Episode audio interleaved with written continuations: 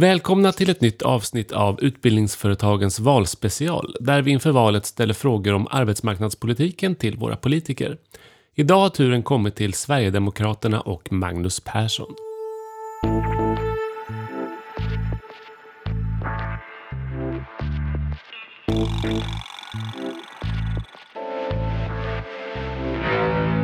Välkommen hit Magnus!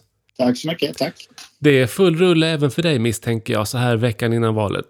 Ja, det kan man säga. Det, det har, finns inte många lediga stunder. Man är engagerad både i rikspolitiken men även eh, lokalt så att det är fulltecknade dagar just nu. Ja, det förstår jag.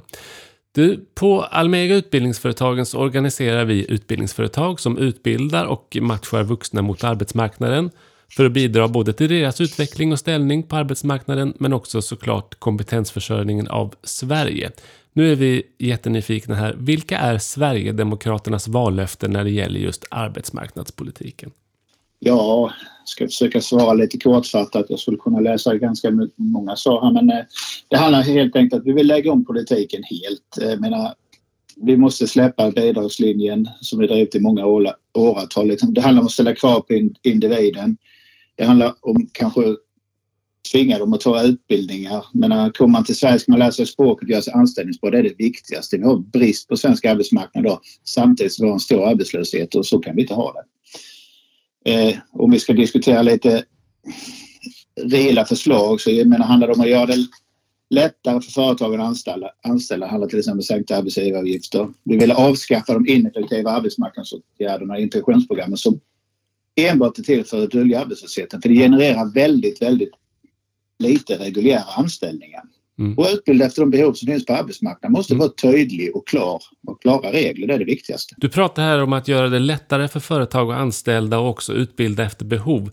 Vi har ju på Almega sett hur investeringarna för personalutbildning hos svenska företag minskar under 2000-talet samtidigt som vi har just ett stort behov av kompetensutveckling. Och där har, har vi föreslagit ett kompetensavdrag för företag som investerar i personalutbildning där halva kostnaden för köp av utbildning ska kunna dras av mot skattekontot. Hur ser ni i Sverigedemokraterna på den här typen av kompetensavdrag för företag?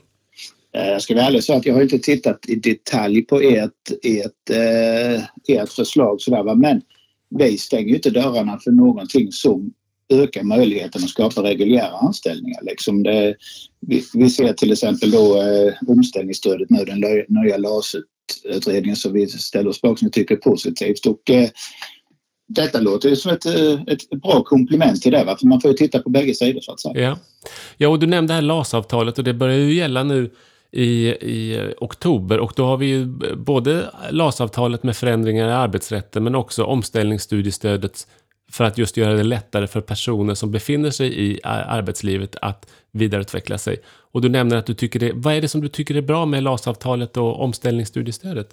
Eh, ja, jag kan till exempel se i min egen bransch som jag kommer ifrån, liksom, jag kommer ifrån byggbranschen då va? och eh, många gånger så så är det ganska slitsamt yrke. Vet du, du kommer upp i plus 50 liksom och då, då ska man kanske känna att ja, jag, jag vill fortsätta jobba eller fortsätta bidra till samhället. Då kanske du ska, kan ställa om och utbilda dig till någonting annat.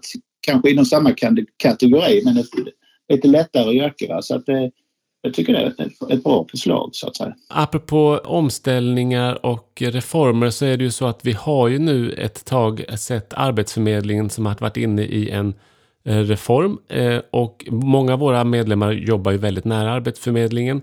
Och då är min sista fråga till dig här idag. Vad är er syn på Arbetsförmedlingens reformering? Först vill jag klargöra att vi står bakom reformeringen. Det har vi gjort från dag ett. För Arbetsförmedlingen som arbetsförmedling har misslyckats helt med sitt uppdrag. Det är ingen hemlighet.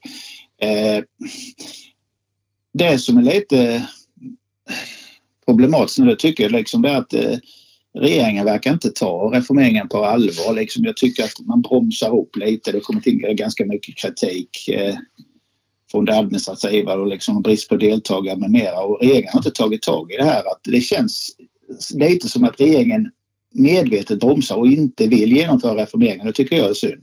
Vi vill ju fortsätta släppa in privata aktörer i matchning till exempel och Arbetsförmedlingen då liksom, de ska precis samhället med analys, information, prognoser och mera hela den biten. Va? Men det känns som att man bromsar lite från regeringen. Man är glada vid att skylla på pandemin så fort man får kritik. Magnus, det var mina frågor till dig. Stort tack för att du tog dig tid att svara på dem. Okej, okay, tack ska du ha.